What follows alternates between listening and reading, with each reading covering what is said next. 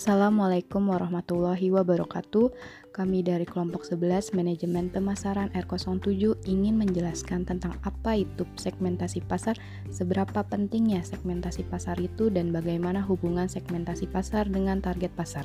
Saya Putri Nurfati NPM 18189 dan teman saya Nabila Fitriaska Purnamasari NPM 18183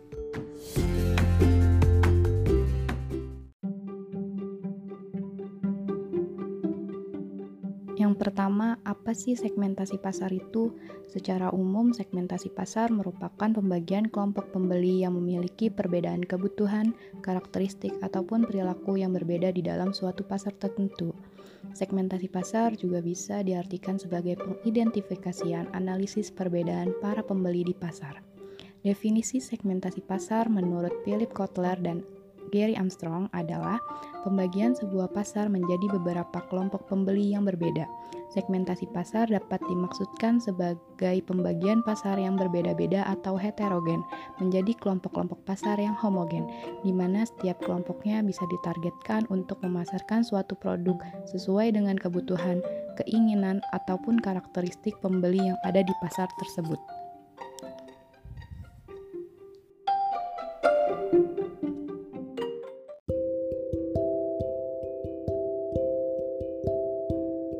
Kedua, jenis-jenis segmentasi pasar. Dalam pengadaan segmentasi pasar dibagi berdasarkan empat kategori. Yang pertama, segmentasi pasar berdasarkan geografi. Pada segmentasi ini, pasar dibagi ke dalam beberapa bagian geografi seperti negara, wilayah, kota, dan desa. Daerah geografi yang dipandang potensial dan menguntungkan akan menjadi target operasi perusahaan. Yang kedua, segmentasi pasar berdasarkan demografi. Pada segmentasi ini, pasar dibagi menjadi kelompok-kelompok dengan dasar pembagian usia, jenis kelamin, tingkat ekonomi, dan tingkat pendidikan. Yang ketiga, segmentasi pasar berdasarkan psikografi. Segmentasi psikografi menelaah bagaimana konsumen dengan segmen demografi tertentu merespon suatu stimuli pemasaran. Yang keempat, segmentasi pasar berdasarkan tingkah laku. Segmentasi ini dikelompokkan berdasarkan pengetahuan, sikap, penggunaan, atau reaksi pembeli terhadap suatu produk.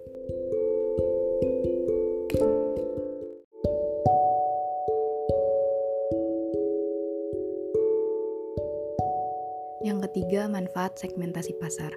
Yang pertama, pasar lebih mudah dibedakan. Yang kedua, pelayanan lebih baik. Yang ketiga, strategi pemasaran lebih terarah. Yang keempat, menemukan peluang baru. Yang kelima, faktor penentu desain. Yang keenam, strategi komunikasi lebih efektif. Yang ketujuh, melihat kompetitor dengan segmen yang sama. Yang terakhir, evaluasi target dan rencana bisnis. thank you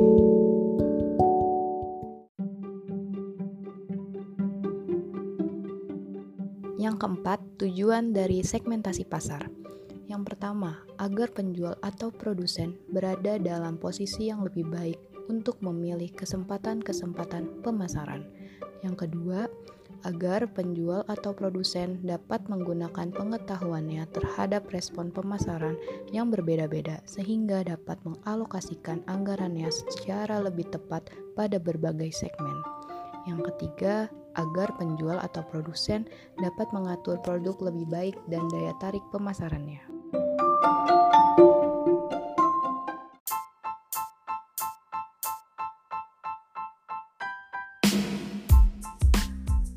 Jadi, apakah segmentasi pasar itu penting? Hmm, ya tentu saja segmentasi pasar itu penting karena segmentasi pasar memungkinkan suatu perusahaan untuk lebih fokus dalam mengalokasikan sumber dayanya. Kemudian, segmentasi juga termasuk dasar dalam menentukan komponen strategi secara keseluruhan. Selain itu, segmentasi juga merupakan kunci sukses agar perusahaan dapat mengalahkan para pesaingnya.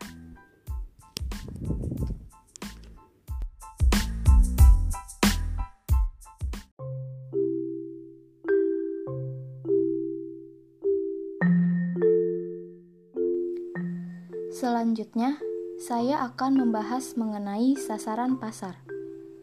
Di dalam melakukan segmentasi pasar, seperti yang kita tahu bahwa sasaran pasar ada kaitannya dengan segmentasi pasar. Lantas, apa itu yang dimaksud dengan sasaran pasar atau target pasar? Jadi, sasaran pasar atau target pasar adalah pasar yang akan dilayani oleh perusahaan. Sasaran pasar perlu ditetapkan terlebih dahulu agar strategi dan program pemasaran dapat lebih terarah pada sasarannya.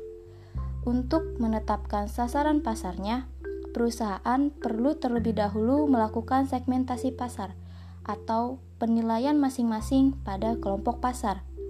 Segmentasi pasar memberikan peluang bagi perusahaan untuk menentukan kelompok-kelompok pasar yang akan dipilih sebagai sasarannya.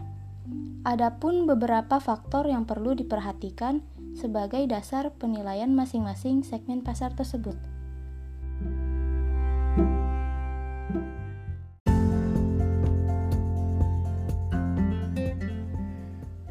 Setelah kita mengetahui apa itu segmentasi pasar dan sasaran pasar, selanjutnya saya akan menjelaskan mengenai hubungan sasaran pasar dengan segmentasi pasar itu sendiri.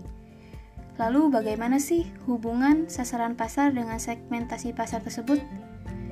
Istilah segmentasi pasar dan penentuan sasaran pasar atau market targeting sebenarnya merupakan dua hal yang berbeda. Di atas telah diuraikan bahwa segmentasi pasar itu merupakan kegiatan yang membagi-bagi pasar yang bersifat heterogen dari suatu produk ke dalam satuan-satuan pasar yang bersifat homogen. Dalam hal ini, market targeting atau sasaran pasar merupakan keputusan perusahaan mengenai pasar manakah yang akan dilayani. Sebagai gambaran, misalnya, berdasarkan analisa dan ramalan permintaan, perusahaan dapat mengetahui adanya pasar tertentu yang dianggap menarik, yang membuat perusahaan memperluas pangsa pasar Perusahaan tersebut mensurvei sejumlah konsumen sebagai sampel dari keseluruhan. Dalam survei ini ditanyakan oleh perusahaan mengenai atribut produk yang ditawarkan tentang kualitas harga, kemasan, servis, dan sejenisnya. Di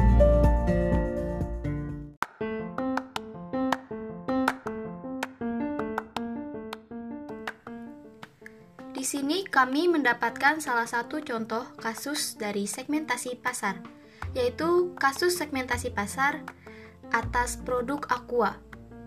Yang pertama, segmentasi pasar produk Aqua berdasarkan geografisnya. Aqua menunjukkan semua pasar yang ada di wilayah Indonesia, tidak hanya di perkotaan, tetapi kita juga bisa menemukan produk Aqua di pinggiran kota, bahkan pedesaan. Yang kedua, segmentasi pasar secara demografisnya yaitu Aqua menargetkan orang-orang di semua kalangan dan jenis kelamin. Produk Aqua diproduksi untuk semua kalangan dan untuk dikonsumsi siapa saja. Dan yang terakhir adalah segmentasi pasar produk Aqua secara psikografis. Aqua ditujukan untuk kalangan kelas sosial menengah, tapi bisa juga untuk kelas kalangan bawah, mengingat ada harga kemasan yang bisa dijangkau kelas kalangan bawah dengan harga pasar Rp500 dan Rp3.000. Selain itu, Aqua diperuntukkan bagi orang-orang dengan gaya hidup praktis dan sehat dengan kemasan yang mudah didapat dan dibawa, sehingga Aqua cocok bagi orang aktif dengan mobilitas yang tinggi.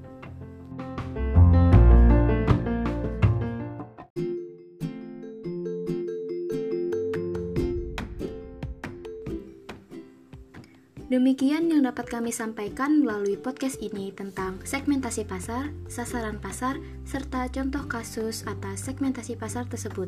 Kurang lebihnya mohon maaf. Wabillahi taufiq wal hidayah. Wassalamualaikum warahmatullahi wabarakatuh.